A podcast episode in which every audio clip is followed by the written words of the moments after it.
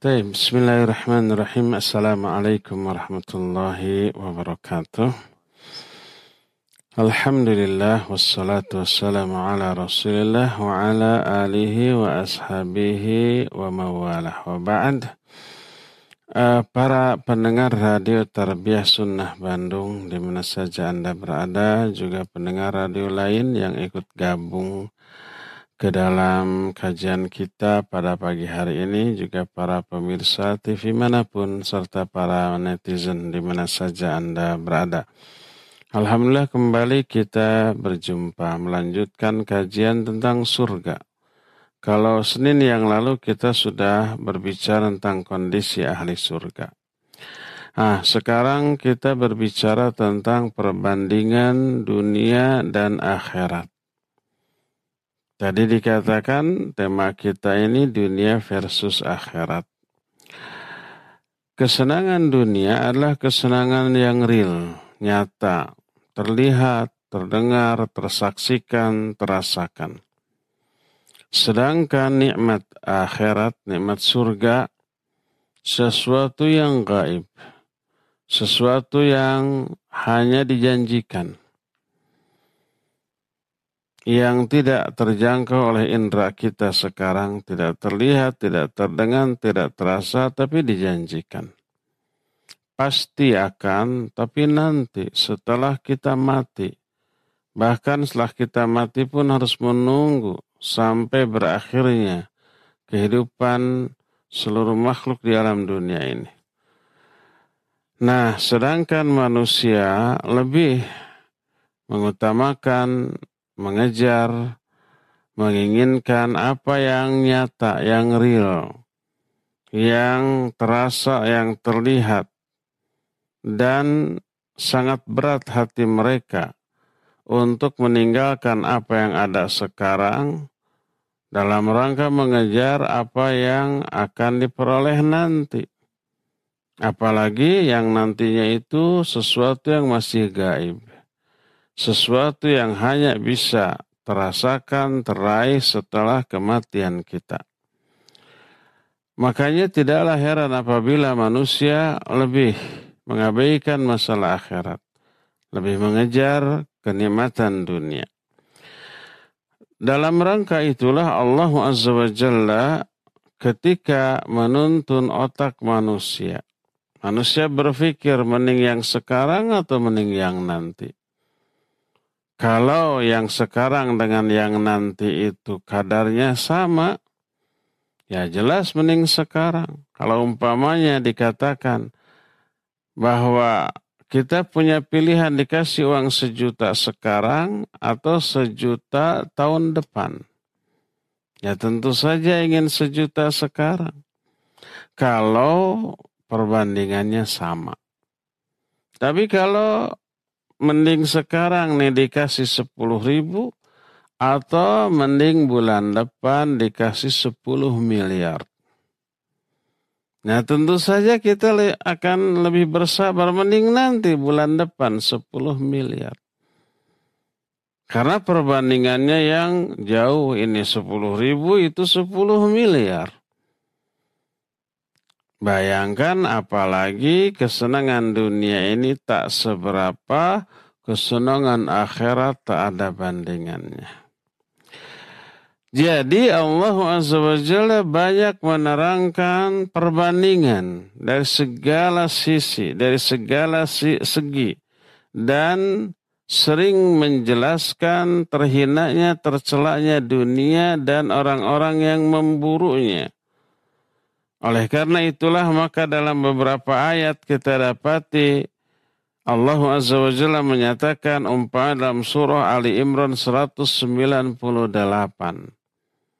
Kata Allah Subhanahu wa taala لكن الذين اتقوا ربهم لهم جنات تجري من تحتها الأنهار خالدين فيها nuzulam min indillah wa ma indallahi khairun lil abarar.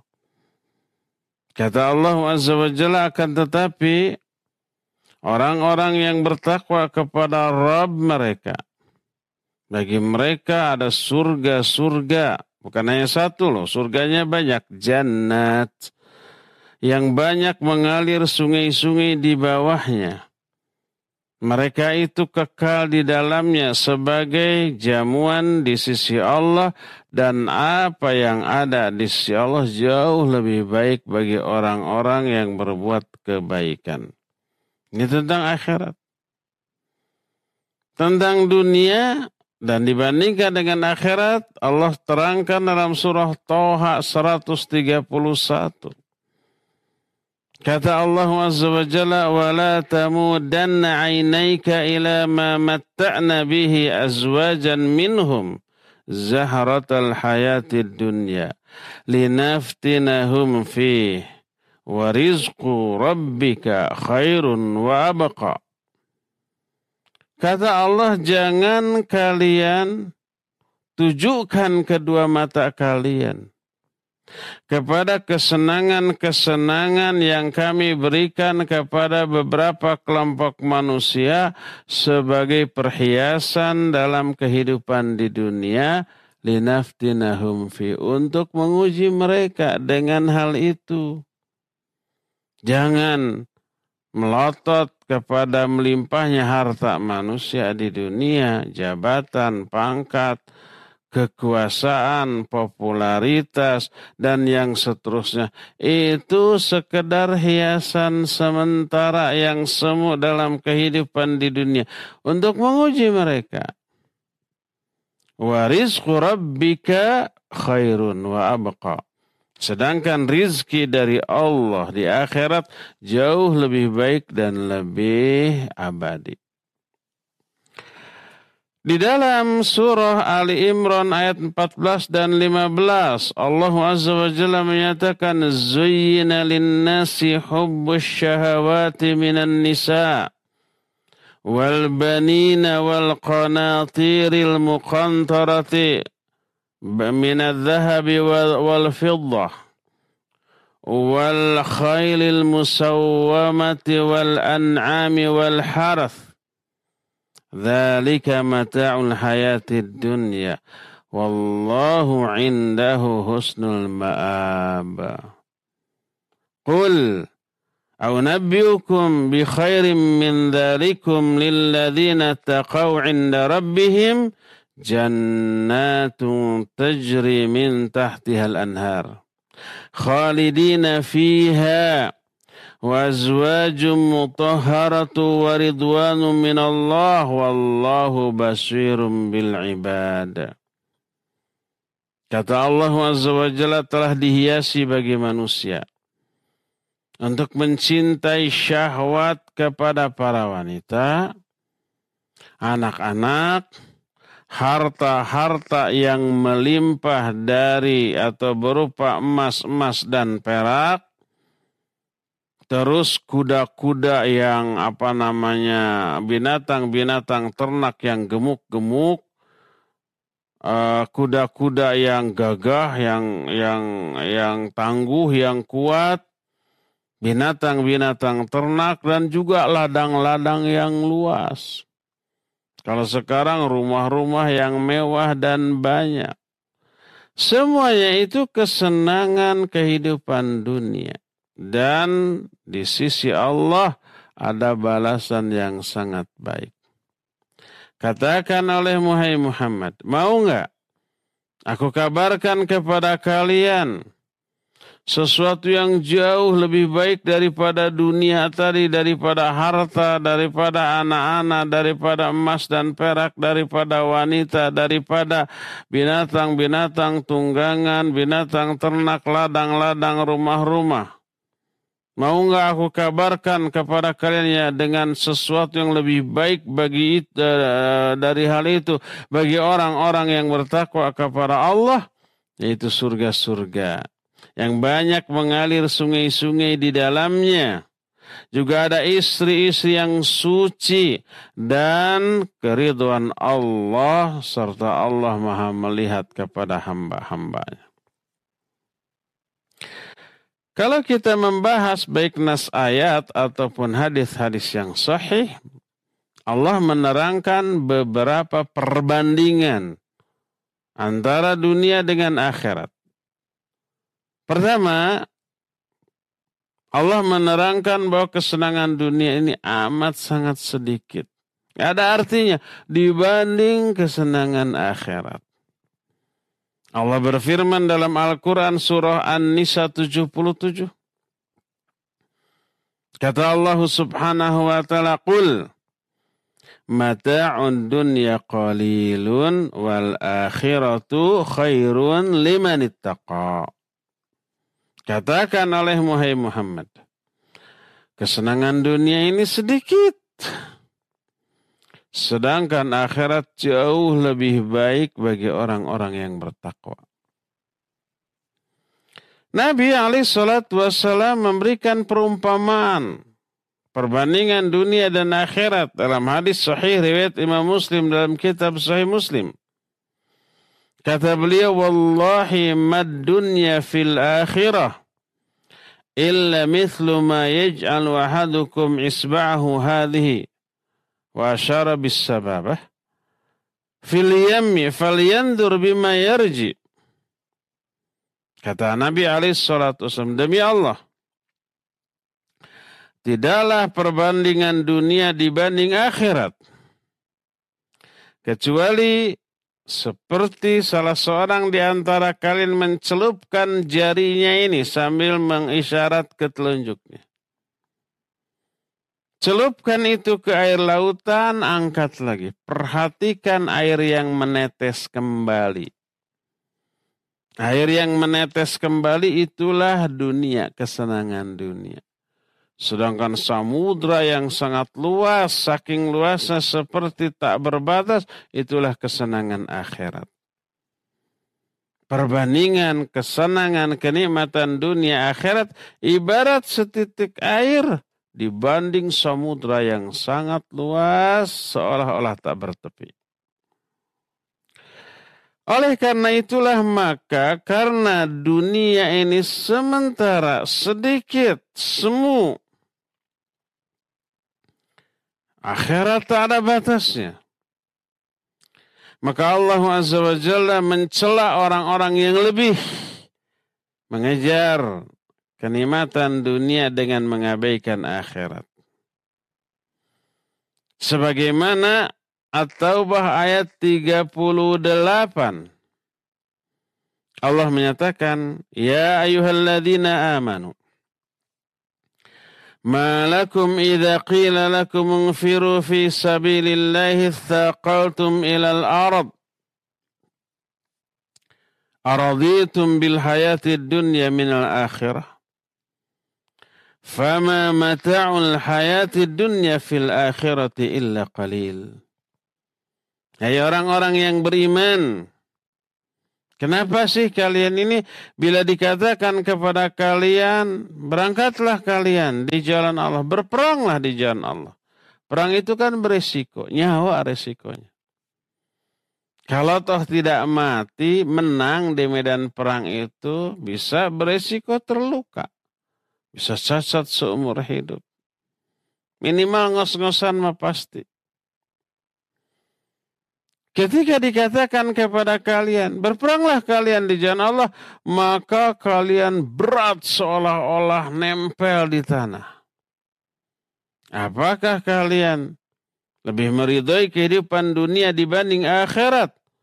Padahal tidak ada kesenangan dalam kehidupan dunia dibanding akhirat kecuali amat sangat sedikit. Yang pertama, dunia sedikit, akhirat tak berbatas. Kedua dari segi jenis kenikmatan. Kenikmatan ahli surga, makanannya, minumannya, perhiasannya, istananya, tidak bisa dibandingkan dengan apa yang ada di dunia ini. Sejengkal tanah di surga jauh lebih baik daripada dunia dan isinya. Hadis sahih riwayat Imam Bukhari dan Imam Muslim dari Abu Hurairah radhiyallahu an. Berkata Rasul alaihi salatu wassalam, "Maudi'u sautin fil jannah khairun minad dunya wa ma fiha." Tempat pecut dunia saja di surga saja ini tempatnya satu titik tempat di, di surga jauh lebih baik daripada dunia dan isinya. Dalam riwayat lain disebutkan waliqabu qausin ahadikum fil jannah khairun mimma tala'at alaihi syams tali busur panah surga saja lebih baik daripada dunia dan isinya. Bandingkan para wanita dunia dengan akhirat. Disebutkan dalam hadis sahih riwayat Imam Bukhari dari Anas radhiyallahu an. Nabi alaihi salatu wasallam menyatakan lau anna imra'atan min nisa'i ahli jannah ittala'at ala 'ala al-ardi la'adha'at ma bainahuma. wala mala'at ma bainahuma rihan walinasifiha ala ra'siha khairu minad dunya wa ma fiha. Seandainya seorang wanita ahli surga, beda dari surga saja. Melongok tuh ke alam semesta ini, mendongakan, nololkan kata orang Sunda. Kepalanya ke alam semesta ini, akan terterangilah seluruh langit dan bumi. Akan dipenuhilah seluruh alam semesta dengan aroma wangian yang sangat-sangat-sangat menyenangkan. Dan setengah dari berlian mahkota yang ada di kepala ahli surga atau di kepala bidadari surga itu jauh lebih baik daripada dunia dan isinya. Oleh karena itulah maka seorang wanita ahli surga saja bisa menerangi alam semesta ini dengan cahaya dari wajahnya dan mewangikan seluruh alam semesta ini dengan aroma parfumnya. Ada nggak wanita di dunia yang seperti ini? Nggak ada. Itu yang kedua. Ketiga, di dunia ini apa pun ada aibnya. Ada kotornya, makanan, minuman yang bersih, yang enak, yang mahal. Itu melahirkan kekotoran. Makanan-makanan dan minuman yang lezat di surga itu pasti nanti jadi kotoran, jadi air kencing yang sangat dianggap jijik oleh manusia. Wanita-wanitanya, secantik apa pun dan seapik apa pun, mereka BAB, mereka BAK, mereka buang angin, mereka meludah, mereka beringus, mereka haid, mereka melahirkan, mereka berubah. Jadi jelek, jadi keriput, jadi buncit, jadi ah segala macam. Adapun di surga, seluruh makanan dan minumannya tidak melahirkan kekotoran. Kotoran. Ahli surga tidak perlu WC. Adakah WC di surga? Nggak ada. Loh gimana nanti kita kebelet? Nggak akan kebelet. Kita butuh WC di dunia itu karena memang kita harus BAB, harus membuang kotoran. Di surga nggak ada, untuk apa ada WC? Minuman di dunia yang apa namanya khamarnya bikin pening, bikin mual, dan bikin mabuk, bikin hilang akal. Di akhirat tidak. Ahli surga tidak meludah. Ahli surga tidak beringus. Ahli surga tidak BAB, tidak BAK, tidak BA Ahli surga itu para wanitanya tidak pernah haid, tidak pernah nifas, tidak pernah berubah. Allah Azza wa Jalla menjelaskan beberapa keadaan minuman di surga. Seperti yang Allah terangkan dalam Al-Quran surah As-Safat ayat 46. بيضاء لذة للشاربين لا فيها غول ولا هم عنها ينزفون Kata Allah Azza wa Jalla, minuman khamr arak di surga itu putih dan lezat bagi orang-orang yang meminumnya. Tidak bikin pening orang yang meminumnya dan tidak bikin mabuk. Air di surga tidak asin, susunya tidak pernah basi, tidak pernah berubah. Dan itu berupa sungai. Jangan dibayangkan sungai Citarum. Ada limbah, ada runtah, apa runtah, sampah, ada apa binatang kayak cacing yang ada di air teh yang nyerot darah teh? Lintah gitu ya. Sekali kita masukkan kaki kita ke dalamnya wah diserbu langsung gitu ini sungainya bersih, sungainya ada air, sungai air bening, seger, tawar, ada air sungai sungai air susu, sungai air madu, sungai air susu uh, khamr. Allah menyatakan wanharu mimma'in ghairi asin wanharu min labanin lam yataghayyar ta'muh. Ada sungai-sungai dari air yang tawar, yang tidak asin. Ada juga sungai-sungai dari susu yang tidak pernah berubah rasanya dan aromanya. Kalau kita umpamanya minum susu tersisa di malam hari, di sore hari, dibiarkan sisanya sampai besok. Besoknya sudah basi, nggak bisa diminum. Dibuang. Diminumnya jadi penyakit. Wanita-wanita di surga disebutkan walahum fiha azwajum mutahharah. Bagi mereka ada istri-istri yang suci. Maknanya istri itu tidak haid, tidak nifas, tidak mengeluarkan kotoran seperti yang dialami oleh wanita-wanita yang ada di dunia ini. Wanita yang di yang ada di dunia meludah, kadang kalau lagi flu beringus, kalau bangun dari tidur belekan. Kalau umpamanya uh, habis makan pasti BAB. Minum pasti BAK. Setiap bulan mengalami haid keluar darah. Ketika saatnya hamil ya berubah bentuknya walaupun tadinya seksi sekarang menjadi buncit terus melahirkan, terus mengeluarkan banyak darah, mengalami nifas selama sekian hari atau sekian bulan. Itu teralami oleh wanita-wanita di dunia. Di akhirat tidaklah seperti itu. Hati orang-orang ahli surga begitu bersih. Tidak ada dengki, tidak ada iri, tidak ada benci. Ucapan mereka baik. Tidak ada umpatan, tidak ada celaan, tidak ada kata-kata kasar. Dan amal-amal mereka seluruhnya soleh dan solihah. Allah menerangkan tentang kondisi di surga dari amalan ahli surga la lagun fiha wala ta'thim di dalam surga itu tidak ada ucapan dan perbuatan yang lago dan tidak eh, tidak ada ucapan dan perbuatan yang menimbulkan dosa.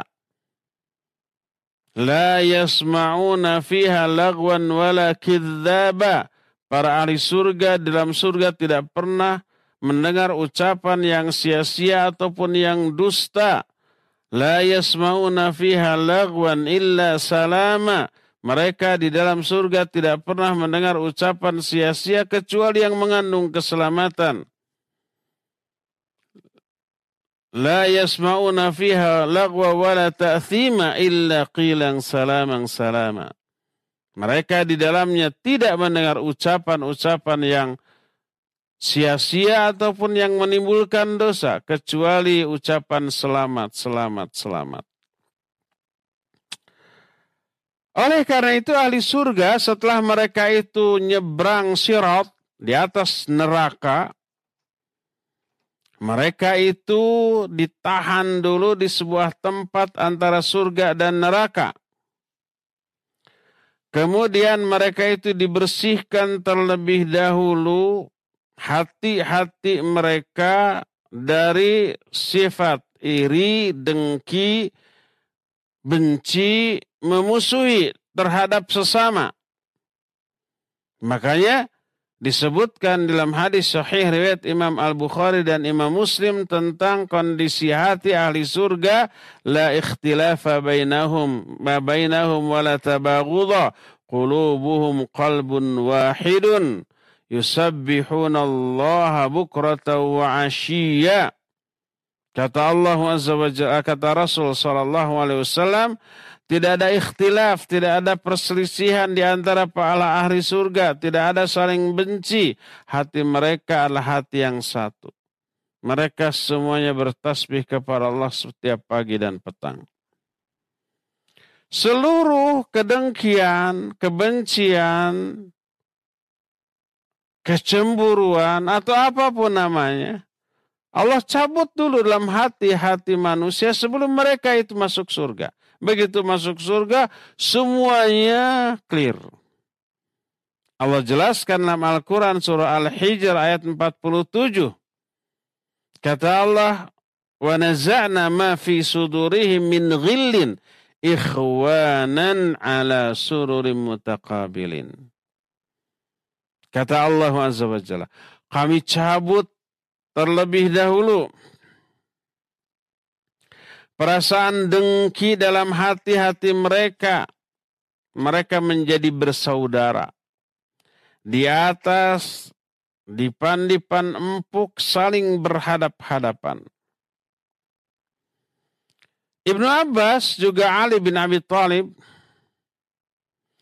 itu menjelaskan bahwa ketika para ahli surga masuk ke dalam surga mereka diberi minuman dari sebuah mata air. Ketika mereka meneguk minuman dari satu mata air ini, Allah hilangkan seluruh kedengkian dalam hati mereka. Lalu mereka meminum air dari mata air yang lain, yang kedua. Yang pertama itu membersihkan psikis mereka, jiwa mereka, isi hati mereka. Tidak ada benci, tidak ada dengki, tidak ada memusuhi, tidak ada cemburu, tidak ada yang seperti itu. Ketika minum di sumber mata air yang kedua, yang dibersihkan itu fisik mereka. Fisik manusia di dunia kan ada efek dari aspek dalam mereka umpamanya ada sumbatan pada pencernaan, pada sirkulasi darah, pada saluran menuju otak, menuju mata, itu pasti menimbulkan efek secara fisik di wajahnya. Menjadi agak buram, menjadi timbul kokoloten. Kokoloten bahasa Indonesia apa? Hah? tua ketua atau tua nah hitam flag flag ah flag hitam ya dan seterusnya nah ketika minum air di sumber yang kedua ini maka menjadi cerahlah wajahnya cerahlah dan kencanglah kulit-kulit mereka. Dan inilah yang dimaksud oleh salah satu ayat dalam Al-Quran dalam surah Al-Insan. Ayat ke-21 Allah menyatakan wasaqahum rabbuhum syaraban tahura. Dan Allah memberikan kepada mereka minuman yang tahura yang bersih dan membersihkan membersihkan fisik manusia yang wajahnya yang buram menjadi cerah bercahaya. Itulah kondisi perbandingan yang ketiga antara dunia dan akhirat. Di dunia banyak kotor, ada debu udaranya, ada bakteri, ada kuman, ada virus sekarang mah ya. Cuma semuanya itu kecil nggak kelihatan. Seandainya kita bisa melihat, niscaya kita nggak akan mau bernafas. Di sini mau nyesep, mau menghisap udara, uh banyak kuman-kuman nggak jadi ah tahan. Sebelah sana begitu juga. Ada virus, ada bakteri, ada kuman yang kita hisap.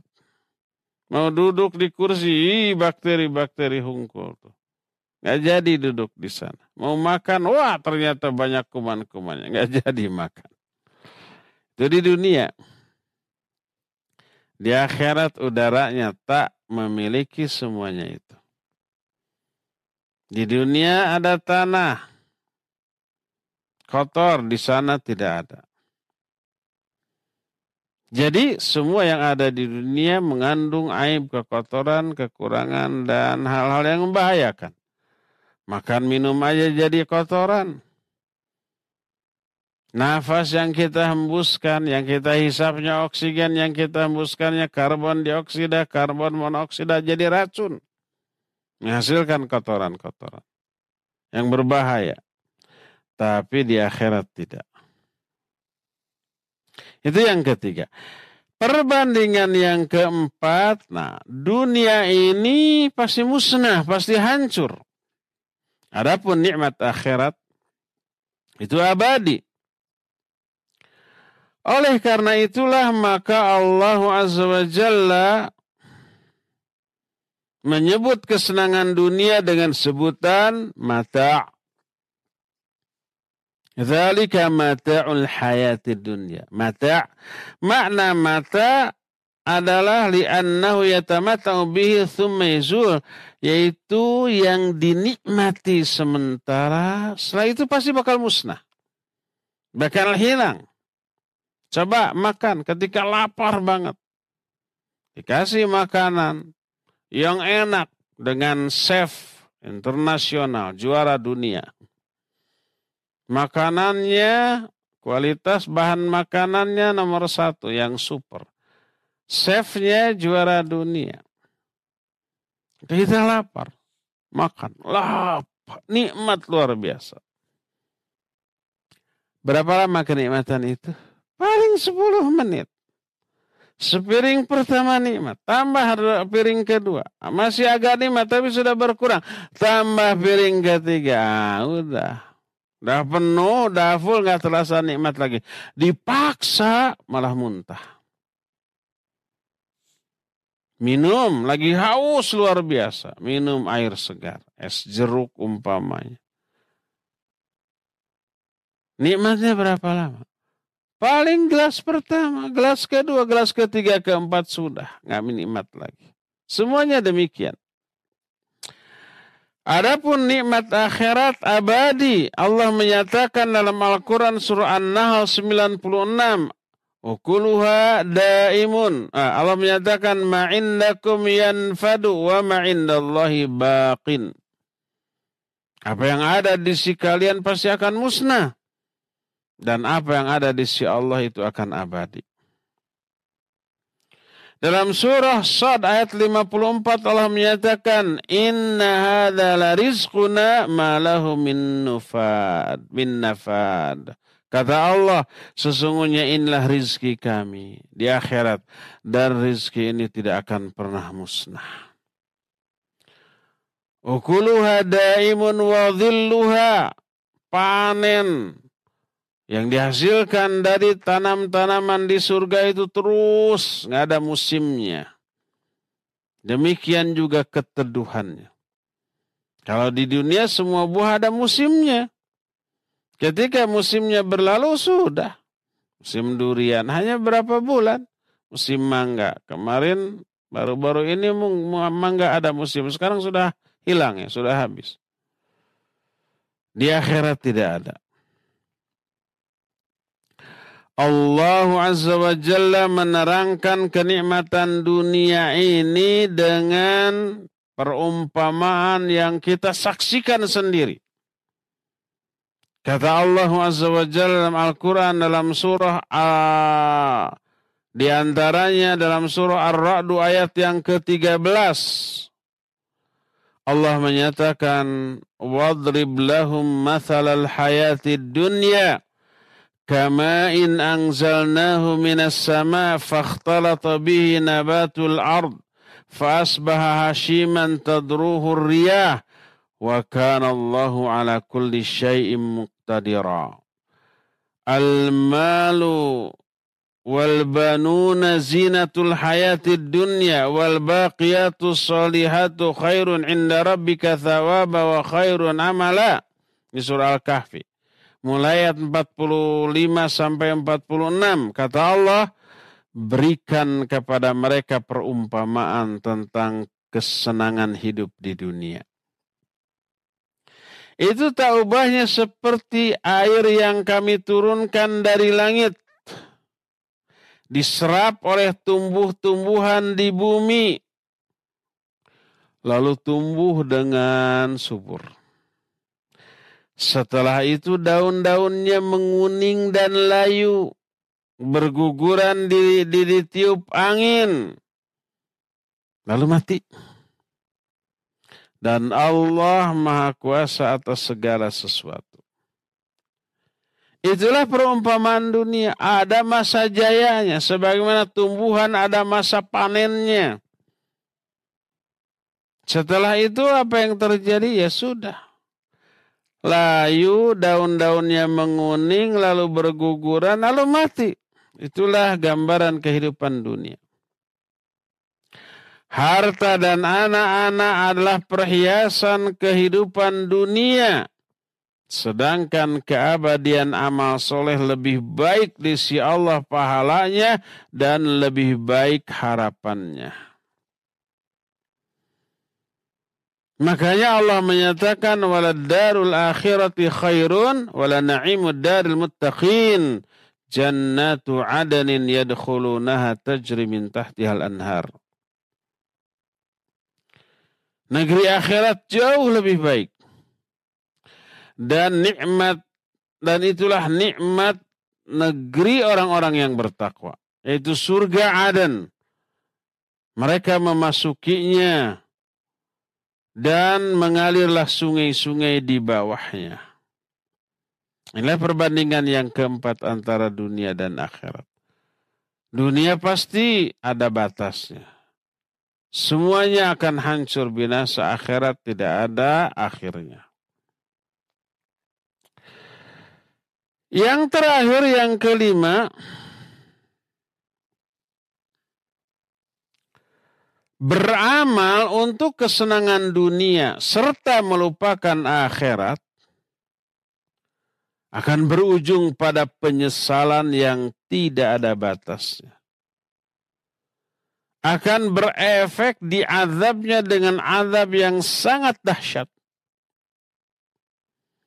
Makanya orang yang berakal ketika ditawari nih mending sekarang 10 ribu atau mending bulan depan 10 miliar. Orang yang menyatakan mending sekarang 10 ribu. Bodoh tuh orang. Mengabaikan 10 miliar hanya karena tertunda satu bulan saja. Orang yang berakal dan sabar, ha, 10 ribu mah Mah satu mangkok bakso juga itu mah ya. Kadang nggak cukup ada satu mangkok bakso yang dua puluh ribu, belas ribu, ada yang tiga puluh ribu juga ya. Ya cukup paling setengah porsi. Habis seketika itu juga Adapun 10 miliar tertunda sebentar itu bisa beli apa pun. Bisa beli rumah dengan perabotan yang lengkap, kendaraan yang termewah, bisa kita beli juga gitu ya. Orang yang berakal sedikit bersabar saja. Apalagi perbandingan dunia dan akhirat ini, wah. Bukan perbandingan 10 ribu dengan 10 miliar, bukan. Tapi perbandingan setetes air dengan samudra yang sangat luas. Maka orang yang mengejar dunia mengabaikan akhirat sebodoh-bodoh manusia. Dia menyesal dengan penyesalan yang sangat besar. Dan dia azab dengan azab yang sangat dahsyat. Allah berfirman dalam Al-Quranul Karim dalam surah Ali Imran 185. Kullu nafsin dha'iqatul maut.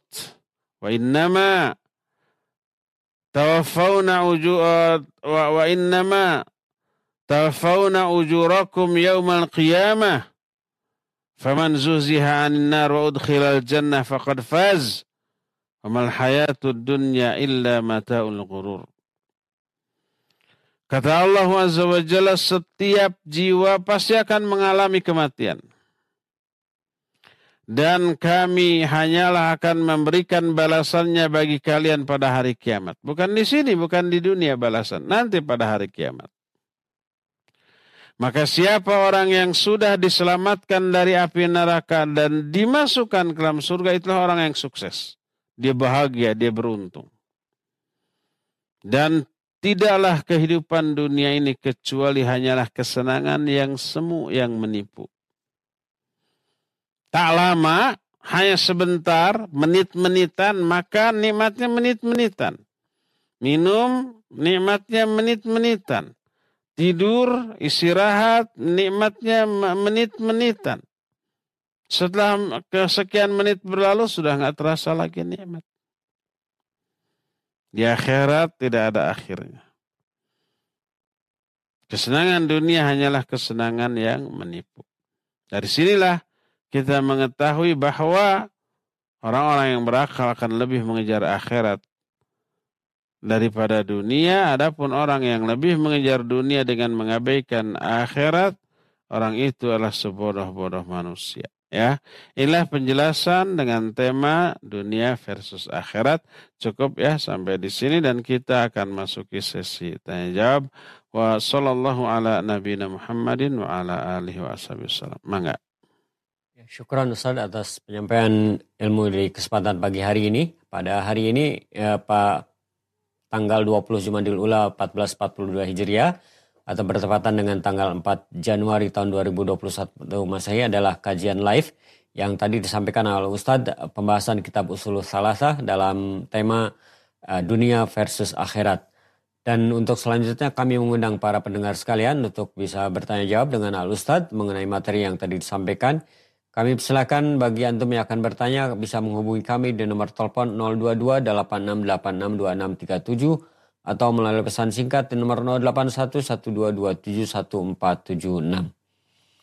Baik, sambil kita menunggu penelpon, kami bacakan terlebih dahulu pertanyaan melalui pesan singkat Ustadz yang datang dari hamba Allah dari Palembang. Ustadz, ketika seorang suami menceraikan istrinya demi menuntut ilmu, tatkala istrinya tersebut tak memberikan kesempatan dalam menuntut ilmu, apakah suami berdosa? Dan pula sebaliknya, tatkala sang istri merasa suami sibuk dalam menuntut ilmu dan kekurangan dalam hartanya dan kerap kali kurang mencukupi kebutuhan keluarga. Apakah boleh sang istri memilih meminta cerai kepada sang suami? Barakallahu fikum hayakallah. Tiba fika barakallah. Uh, bolehkah seorang suami menceraikan istrinya karena istrinya menghalangi dia dalam menuntut ilmu. Kalau dia sudah menunaikan kewajibannya yang pokok menafkahi istrinya. Sudah cukup.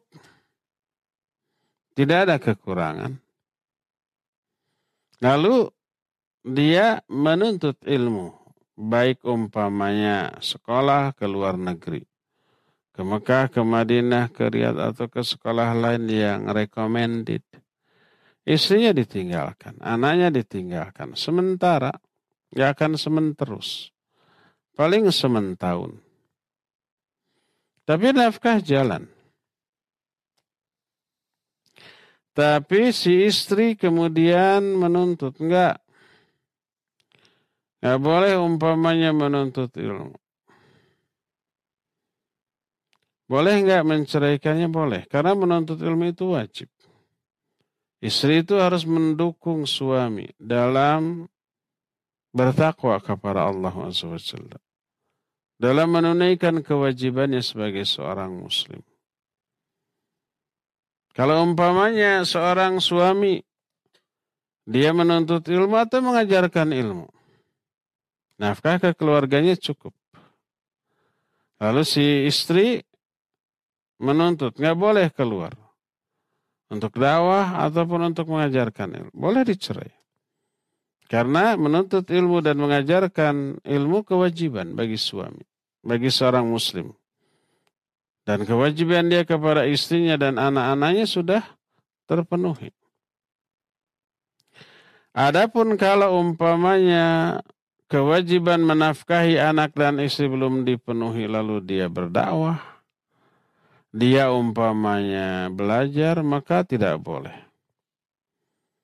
Karena Talabul ilmi ini kapan saja waktunya bisa. Adapun uh, memberi nafkah tidak bisa ditunda. Dengan berbagai macam cara talabul ilmi. Adapun memberi nafkah tidak bisa dengan cara umpamanya uh, kalian download aja makanan dari internet. Apa bisa begitu? Nggak bisa. Harus real, harus nyata. Sesuatu yang dimakan, diminum. Oleh karena itulah maka penuhi dulu kewajiban memberi nafkah kepada anak dan istri dan itu akan ditanya. Penuhi kewajiban mendidik anak dan istri dan itu kelak akan ditanya.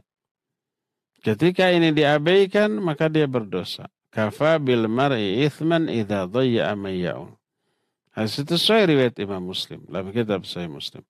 Cukup seseorang itu berdosa apabila menyia-nyiakan orang yang berada di bawah tanggung jawabnya, tidak menafkahi, tidak mendidik.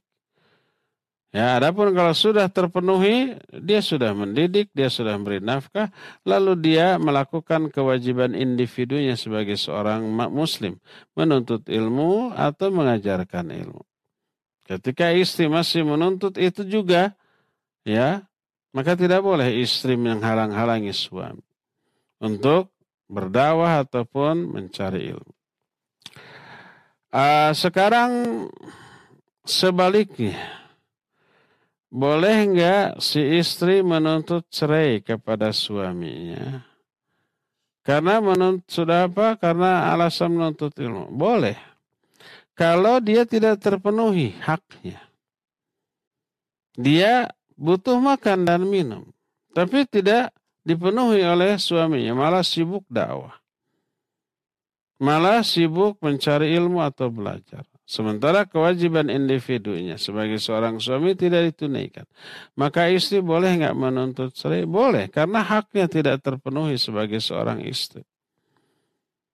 Jadi antara menuntut ilmu, berdakwah, mengajar ilmu atau belajar ilmu tidak boleh dibenturkan dengan kewajiban memberi nafkah.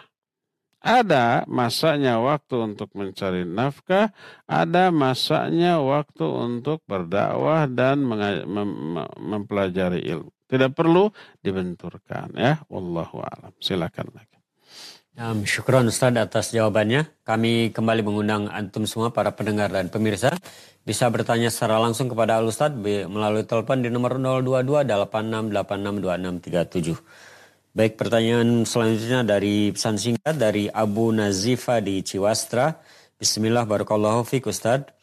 Anda mau bertanya, apakah sahih hadis tentang dunia dibanding akhirat seperti cincin di tengah padang pasir? Iya, Barakallahu Abu Nazifa di Ciwastra. Uh, nanti kita cari, saya tidak bisa menjawab. Betulkah hadis yang menyatakan perbandingan antara dunia dan akhirat itu seperti cincin di tengah padang pasir? Hadis-hadis tentang hal itu, tentang perbandingan dunia dan akhirat sudah kita kemukakan. Tapi tidak. Yang pernah, yang ada adalah, itu adalah perbandingan antara kursi dengan ars. Kursi Allah dengan ars Allah jauh perbandingannya. Kursi Allah dengan langit dan bumi yang tujuh juga jauh lebih besar kursi. Wasi'a kursiyuhus samawati wal ard. Kursi Allah itu meliputi langit dan bumi. Tidaklah perbandingan antara langit dan bumi yang tujuh dibanding kursi kecuali tak ubahnya seperti satu, uh, tujuh ekor koin yang disimpan di tameng yang besar.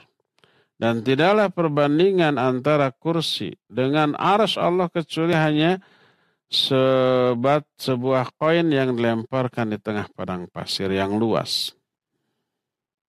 Jadi itu perbandingan antara kursi dengan ars. Adapun tentang perbandingan dunia dan akhirat saya belum pernah mendengar tapi nanti kita akan cari mungkin ada tapi saya belum tahu atau mungkin betul-betul tidak ada. Oh ya, wallahu alam. Silakan lagi. Nah, syukron Ustaz atas jawabannya. Uh, pertanyaan selanjutnya dari Abu Hanan di Baros. Bismillah, Assalamualaikum Ustaz. Semoga selalu dalam lindungan Allah Ta'ala. Ustaz, kalau ada sunnah yang sudah ditinggalkan dan umat Islam jarang yang tahu, apakah boleh kita menghidupkan sunnah tersebut dengan risiko dianggap aliran sesat dan menyelisihi kebanyakan orang? Misalkan menjamak sholat maghrib dan isya ketika turun hujan. Ataukah kita menjelaskan pada mereka sampai mereka mau menerima baru kita amalkan. Barakallahu fiqh. Iya wa fika barakallah Abu Hanan di Baros. Pada prinsipnya sunnah apa pun pasti baik dan harus dihidupkan. Risikonya ya pastilah akan dianggap aneh, dianggap asing. Karena kebodohan manusia. Rasul alaihi salatu wasallam menyatakan ya'ti 'alan nasi zamanun. Akan datang kepada manusia suatu zaman. Al-mumsiku bisunnati Al-mumsiku namin ummati ala sunnati kal khabidi al jamar. Orang yang berpegang teguh kepada sunnahku di zaman itu seperti orang yang memegang bara api. Panas, banyak godaan, banyak gangguan. Ya. Dalam riwayat lain disebutkan innal islama bada'a ghariban wa sayudu ghariban kama bada. Fathuba lil ghuraba. Islam itu pada awalnya dianggap ajaran aneh. Ajaran ajaran asing. Dan kelak akan dianggap aneh atau asing pula seperti awalnya. Fatuba lil ghuraba. Berbahagialah orang yang dianggap aneh, yang dianggap asing. Salah satunya alladzina yuhyuna ma amatan nasu min sunnati. Itu orang-orang yang menghidupkan kembali sunnah kami yang sudah dima, sudah di sudah dimatikan manusia. Jadi pada prinsipnya seluruh sunnah harus dihidupkan. Dengan risiko dianggap aneh, dianggap asing, iya memang risikonya begitu. Itu pertama. Kedua, ada pun sunnah yang bukan menjadi wewenang kita untuk menerapkannya. Seperti menjamak sholat karena hujan. Termasuk sunnah, iya termasuk sunnah. Tapi ini bukan wewenang setiap individu muslim. Wewenang siapa? Wewenang imam. Imam di masjid itu. Sehingga kalau imam itu tidak menjamak, kita jamaahnya jangan menjamak sendirian.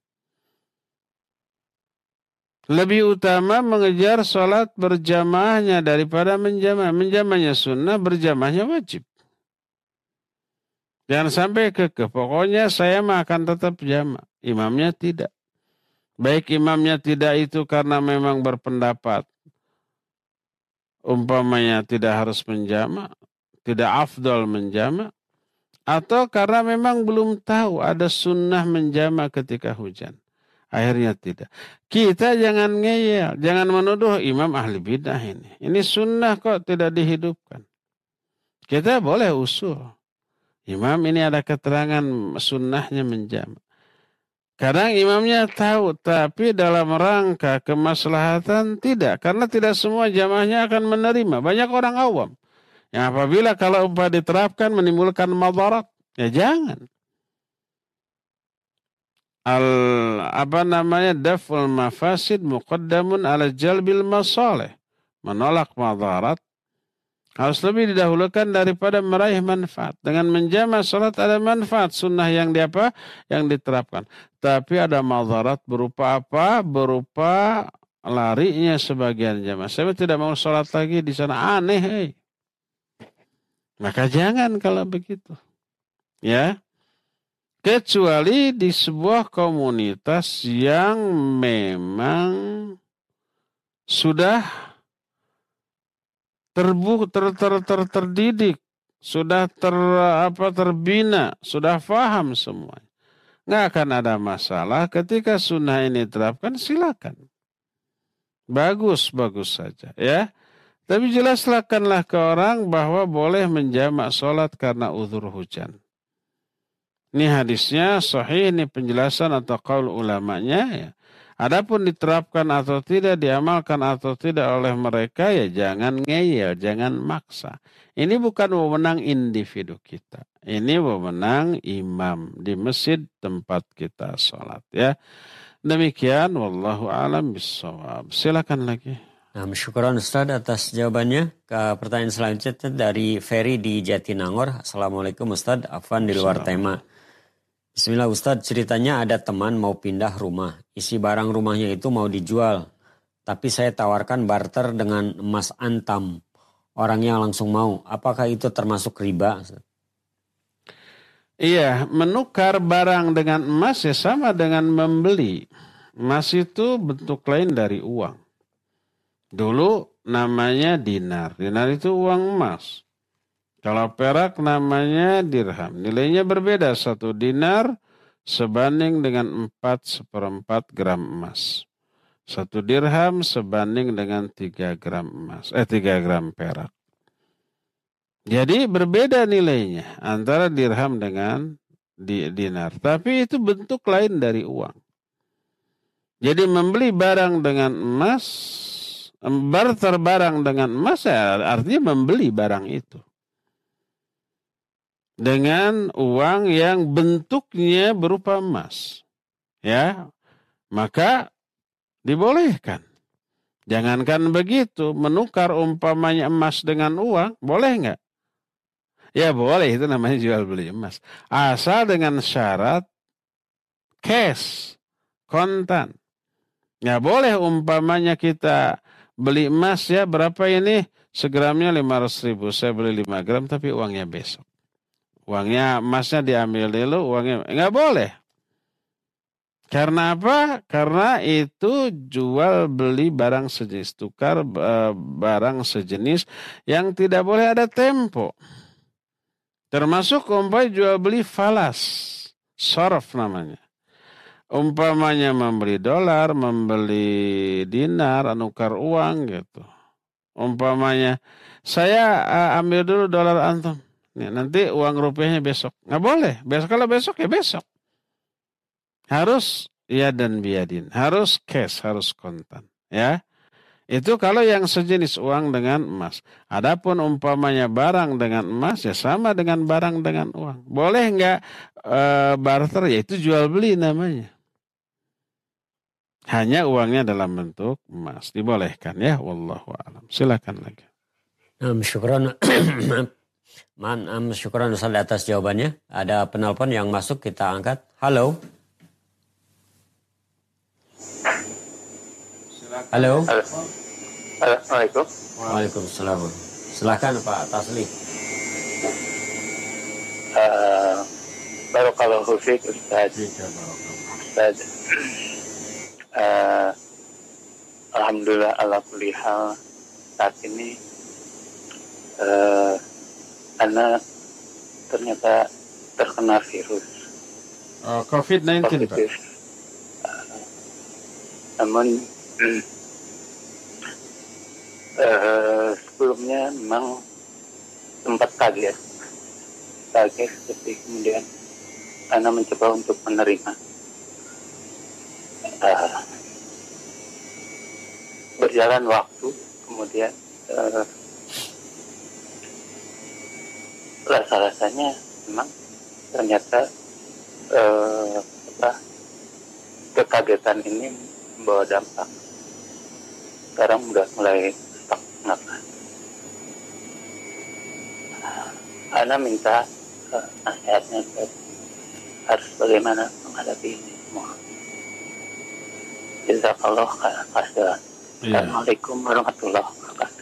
Waalaikumsalam warahmatullahi wabarakatuh. Iya, Pak Tasli.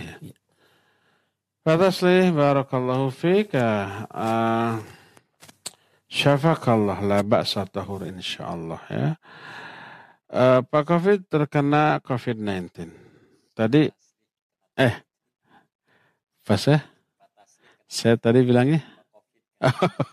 Pak Tasli kena COVID-19. Syafakallah la ba'sa tahur insyaallah. Allahumma rabban nasi mudhibal ba's.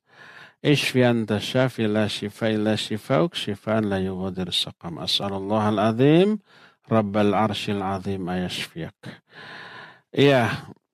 Uh, pertama wajib ridho terhadap ini. Pasti itu baik. Itu takdir yang Allah sudah tuliskan 50 ribu tahun sebelum langit dan bumi ini ada. Ma'asaba min musibatin fil ardi wala fi anfusikum illa fi kitabim min qabli an nabra'aha. Tidak ada peristiwa kejadian yang terjadi di muka bumi atau yang menimpa diri-diri kalian. Kecuali semua itu telah tertulis di dalam sebuah kitab, Lahul Mahfud. Sebelum kami menciptakan alam jagat raya ini. Jadi semua yang terjadi adalah takdir Allah Jalla dan kita wajib menerima dengan ridho. Dan yakini itulah yang terbaik. Selama terkena penyakit, ada banyak keuntungan. Pertama, dosa-dosa berguguran. Yang keduanya pahala digelontorkan. Asal sabar. Innama yuafas sabirun ajrahum hisab. Hanyalah Allah akan berikan pahala kepada orang sabar tanpa hisab, tanpa hitungan. Ketiganya doanya itu dikabul. Doakan kami Pak Tasli. Agar kami semua husnul khatimah. Diselamatkan oleh Allah dari murka dan azabnya baik di alam kubur atau di neraka dimasukkan oleh Allah Azza ke dalam surga karena rahmatnya. Ya, dan banyak lagi keuntungan yang lainnya. Selain kemuliaannya, tambah mulia di sisi Allah Azza wa Jalla, dunia sampai akhirat. Apa yang harus dilakukan pertama, ya, COVID-19 ini tidak selalu berakibat kematian. Tidak, banyak yang sembuh. Lebih banyak yang sembuh daripada yang meninggal. Di kita juga kemarin ada ikhwan yang menjadi host biasanya di kita, bukan muzain. Ada yang positif terkena COVID. Sekarang Alhamdulillah. Sudah hilang semua gejalanya. Tanpa pengobatan yang apa nama intensif. Isolasi mandiri saja di sini. Tidak ada dokter, tidak ada perawatan rumah sakit. Hanya dikasih aja obat-obat herbal ya ada kistu hindi ada zam-zam ada madu ada obat-obat herbal. Yakin banyak berdoa ya. Alhamdulillah jadi dan beberapa jamaah kita ada juga yang kena. Lapor dengan keluhan yang luar biasa dahsyat. Bilang ke kita dalam keadaan lemah terbaring. Sekarang alhamdulillah sudah negatif.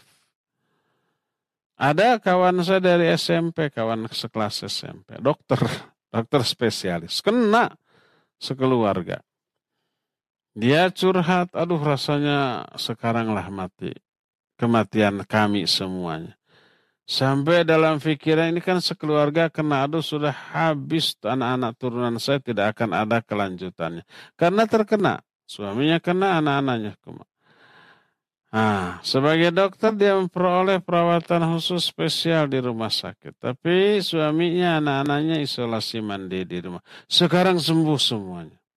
Sekarang negatif semuanya. Alhamdulillah. Padahal semuanya sudah menyatakan inilah saat-saat kematian kami semua. Sekarang total sembuh. Padahal kondisi ketika terkena gejala sudah sangat parah. Jadi banyak kasus yang sembuh. Kita tahu para pejabat, baik ada menteri yang terkena, gubernur yang kena, gubernur Surabaya. Sekarang kena ya, eh, Jawa Timur. Ya ibu kota nanti Surabaya. Gubernur Jakarta.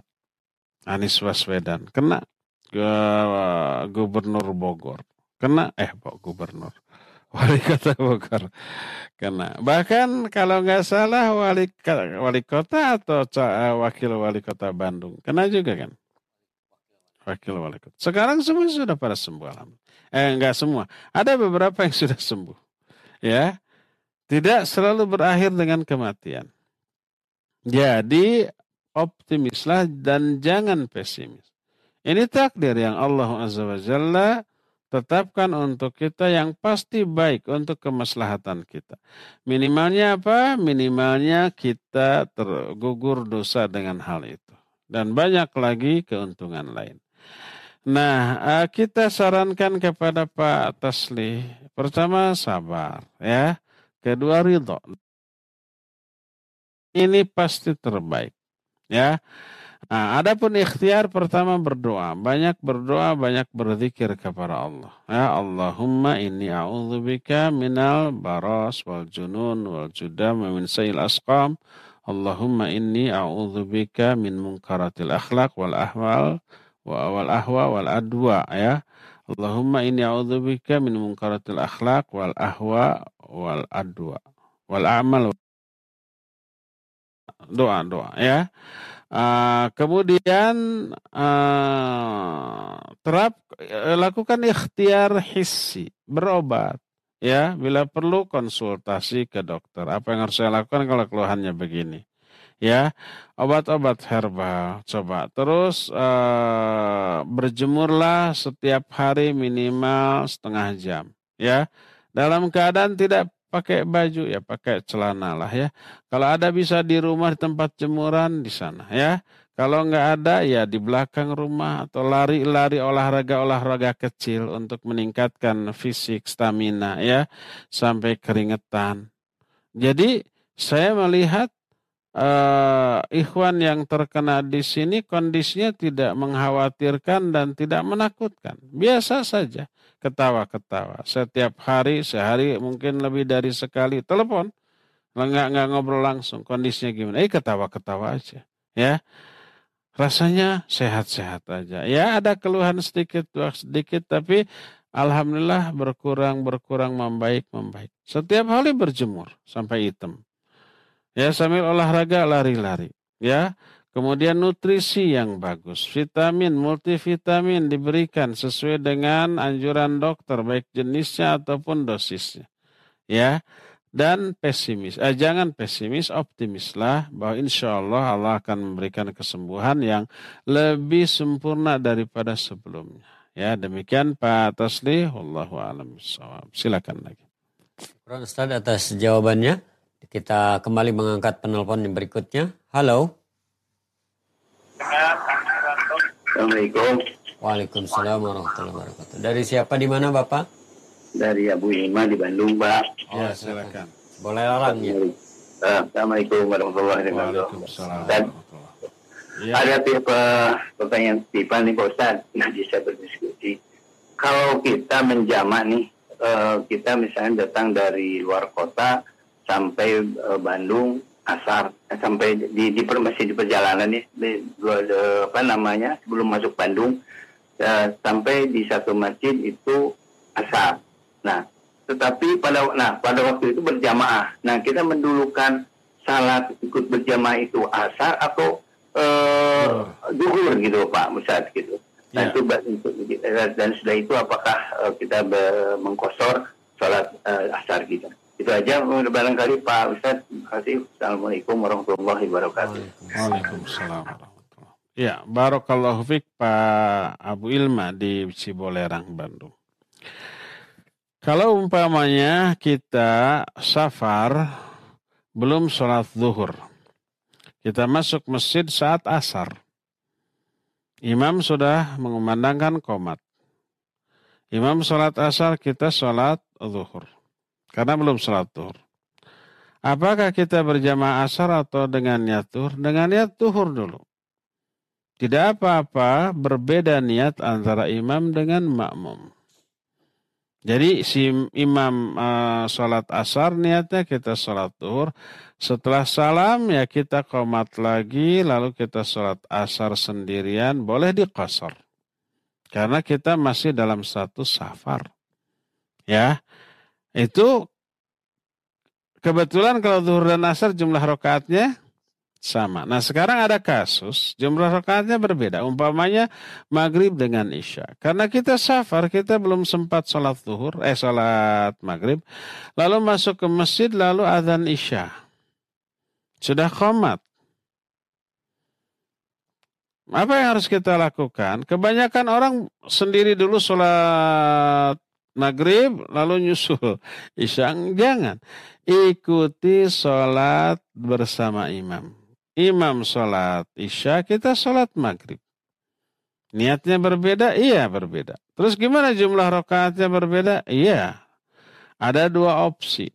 Opsi pertama, ini pernah ditanyakan kepada Syekh Al-Albani rahimahullah. Dan beliau menjawab, ada dua opsi. Opsi pertama kita mufarakah. Mana mufarakah itu memisahkan diri setelah rokaat ketiga. Jadi setelah rokaat ketiga imam berdiri lagi ke rokaat keempat. Karena imam sholat isya kan ya. Kita sholat maghrib. Kita duduk. Lalu kita selesaikan salam sendiri. Ya. Nanti sholat isyanya kita sholat sendirian. Boleh dikosor kalau kita masih dalam posisi safar. Itu opsi pertama. Opsi kedua, imam berdiri menuju rokaat keempat, kita duduk tahiyat akhir dan menunggu imam sampai imam salam. Kita sholat apa namanya uh, duduk tahiyat akhir. Imam berdiri ke rokaat keempat. Kita tunggu imam sampai imam tahiyat akhir dan salam dan kita sama-sama salam bersama imam. Jadi kita tetap berjamaahnya dapat, rokaatnya tidak salah, tidak keliru. Tapi kan e, doanya beda.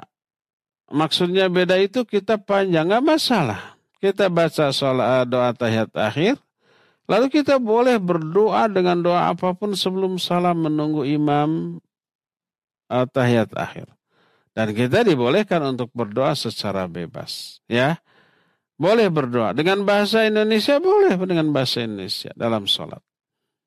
Berdasarkan hal itulah maka dibolehkan bagi kita untuk berbeda niat dengan imam, bahkan juga berbeda jumlah rokaat dengan imam. Ya, tapi yang jelas harus didahulukan sholat yang lebih awal.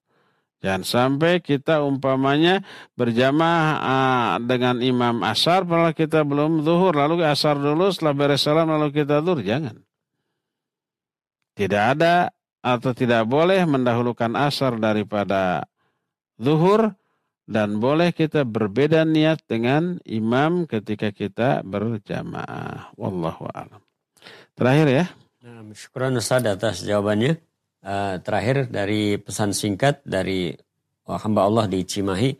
Afan Ustaz, apakah sudah cukup dengan berbuat baik saja, baik dari penilaian manusia dan membangun masjid, syarat untuk masuk surga itu? Salat wajib hampir tidak pernah, menutup aurat pun tidak, maksiat jalan terus. Mohon penjelasan Ustaz. Syukran Ustaz. Wabarakallahu fiqh. Iya, apakah untuk bisa masuk ke dalam surga cukup berbuat baik dan tidak berbuat jahat? Iya, cukup berbuat baik. Terus bagaimana dengan sholat itu perbuatan buruk banget. Jangankan tidak menunaikan hak Allah. Tidak menunaikan hak sesama manusia saja itu sudah dosa besar. Kita sebagai majikan punya bawahan, tapi gajinya tidak diberikan. Jahat nggak? Perbuatan baik apa buruk? Buruk banget. Jahat. Itu dosa besar. Apalagi hak Allah. Salat ini hak Allah. Saum ini hak Allah. Wajib ditunaikan. Tidak menunaikannya, dosa besar. Itu perbuatan yang sangat buruk. Lebih buruk daripada berbuat jahat kepada sama makhluk. Oleh karena itulah maka efek dari perbuatan baik apa pun yang diterima itu harus melahirkan perbuatan baik lainnya. Kalau umpah sudah bangun masjid, ya, dan eh, sudah apa menyumbang ke masjid secara ikhlas, tulus, senang, bukannya menyesal, tapi senang bisa berbuat baik. Kalau perbuatan baik itu diterima oleh Allah, pasti akan melahirkan keinginan untuk berbuat baik di saat selanjutnya. Timbul aduh keinginan untuk sholat pas sudah azan. Ya. Timbul ah mau saum sunnah walaupun bulan bukan bulan Ramadan. Pasti akan begitu. Kalau umpamanya nyumbang, membantu orang tapi nggak pernah sholat maka sumbangan tersebut menunjukkan tidak diterima oleh Allah Azza wa Jalla. Karena apa? Karena efek positif dari sebuah amal soleh adalah turunnya hidayah dari Allah Azza wa Jalla. Berdasarkan hal itulah maka orang tidak sholat, orang tidak menutup aurat, terus berbuat maksiat, tapi dia suka nyumbang disuka membantu orang, tetap akan diperhitungkan. Ketika nyumbang, ketika membantu orang, tetap itu sebagai pahala. Ketika tidak sholat, itu dosanya jauh lebih besar daripada kadar pahala yang dia dapatkan dari hasil nyumbang masjid. Nanti akan ditimbang. Lebih berat pahala atau lebih berat dosa? Kalau lebih berat pahala ya akan selamat. Kalau lebih berat dosa akan celaka. Wa amma man khaffat mawazinu fa ummuhu hawiyah. Oh, sekarang nyumbang untuk masjid satu miliar, ya, dengan dosa meninggalkan satu kali sholat jauh lebih berat, lebih besar dosa meninggalkan satu kali sholat. Tidak bisa tercover, tertutup oleh uang satu miliar yang disumbangkan untuk masjid. Apalagi nyumbangnya cuma sejuta, dua juta umpamanya. Karena nilai masjid itu sendiri tidak sampai semiliar paling ratusan juta dia nyumbang umpah 10 juta. Yang 10 juta tidak bisa mengcover dosa meninggalkan satu kali sholat. Nggak bisa dibandingkan ya. Jadi tetap ketika nyumbang dia dapat pahala kalau ikhlas ya kalau umpamanya dia meninggalkan sholat tetap dihitung dosa dan kadar dosa meninggalkan satu kali sholat tidak bisa tertutup oleh sumbangan sekalipun satu triliun. Ya cukup sampai di sini. Insya Allah kita akan jumpa kembali di hari Senin yang akan datang. Dan nanti insya Allah jam 8 kita akan ada kajian membahas kitab Ad-Da'u Dawa. Silakan gabung kembali. Subhanakallahum bihamdik. Asyadu an la ilaha illa anta. Astaghfiruka wa atubu ilaikul hamdulillah rabbil alamin. Wassalamualaikum warahmatullahi wabarakatuh.